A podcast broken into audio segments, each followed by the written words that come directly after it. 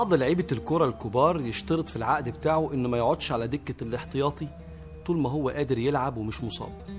لأنه عارف كويس قوي إن الاحتكاك هو وقود الخبرات والمهارات. جسم سخن دايما وعقل بيفكر بسرعة. دكة الاحتياطي بتعطل. وعلى فكرة الاحتكاك الكتير هو اللي بيصنع فارق في الأداء والخبرة. مش بس كده. ده اختلاف ظروف الاحتكاك هو اللي بيغلي سعر اللعيب.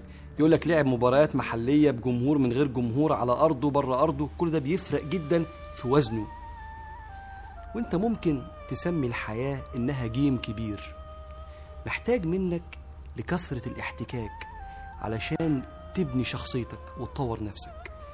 سيدنا عمر بن الخطاب يقول أرى الشاب يعجبني فأسأله ألك حرفة؟ بتعرف تعمل حاجة؟ فإن قال لا سقط من عيني. عارف ليه؟ لأن اللي عنده حرفة بيشتغل بيحتك يعني خبرات متراكمة. مش مقعد نفسه على دكة الاحتياطي يعني شخصية يقدر يفيد ويستفيد. والشريعة وصت بالاحتكاك. ربنا في القرآن يقول قل سيروا في الأرض فانظروا. اتحرك احتك شوف اسمع زود خبراتك. والنبي صلى الله عليه وسلم يقول سافروا تغنموا. فإن لم تغنموا مالا أفدتم عقلا.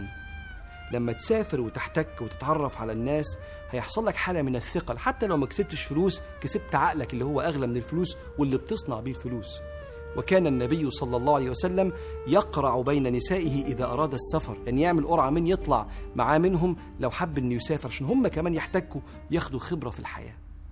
أنت كمان تعاقد مع نفسك إنك ما تقعدش نفسك على دكة الاحتياطي وتبقى دايما مريح.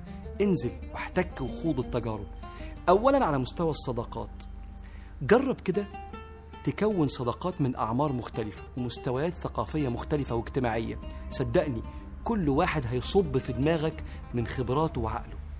وانت قاعد مع أصدقائك اسمع كويس في النقاشات. اطرح وجهة نظرك واسمح للي قدامك إنه يعدل عليك. يمكن يغير عندك مفاهيم مهمة وترتقي. ده على مستوى الصداقات. على مستوى الشغل وخبرات الحياة حاول تبدأ بدري. على قد ما تقدر. جميل قوي الشباب اللي بيشتغل وهو بيدرس. العرب زمان كانوا يبعتوا ولادهم بره مدنهم عشان يتربوا في الصحراء على التجارة ورعاية الغنم عشان يطلع راجل. سيدنا رسول الله عليه الصلاة والسلام بيجهز سيدنا علي. عارف إن هيكون ليه شأن كبير.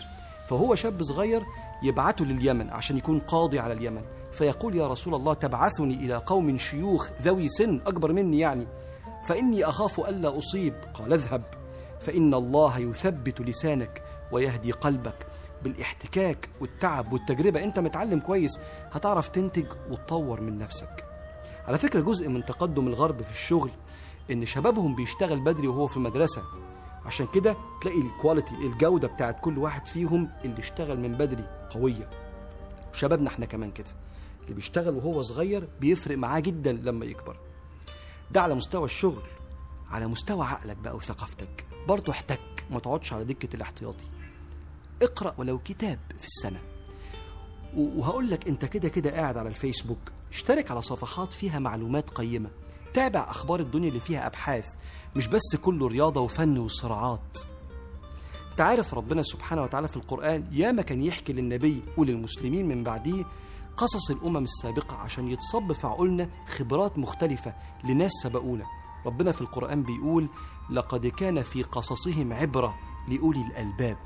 ما كان حديثا يفترى ولكن تصديق الذي بين يديه وتفصيل كل شيء ربنا بيشرح لنا يعني وهدى ورحمة لقوم يؤمنون.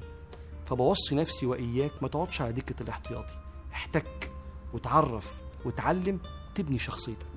فاللهم استخدمنا يا رب ولا تستبدلنا واشغل أعمارنا بما يرضيك عنا.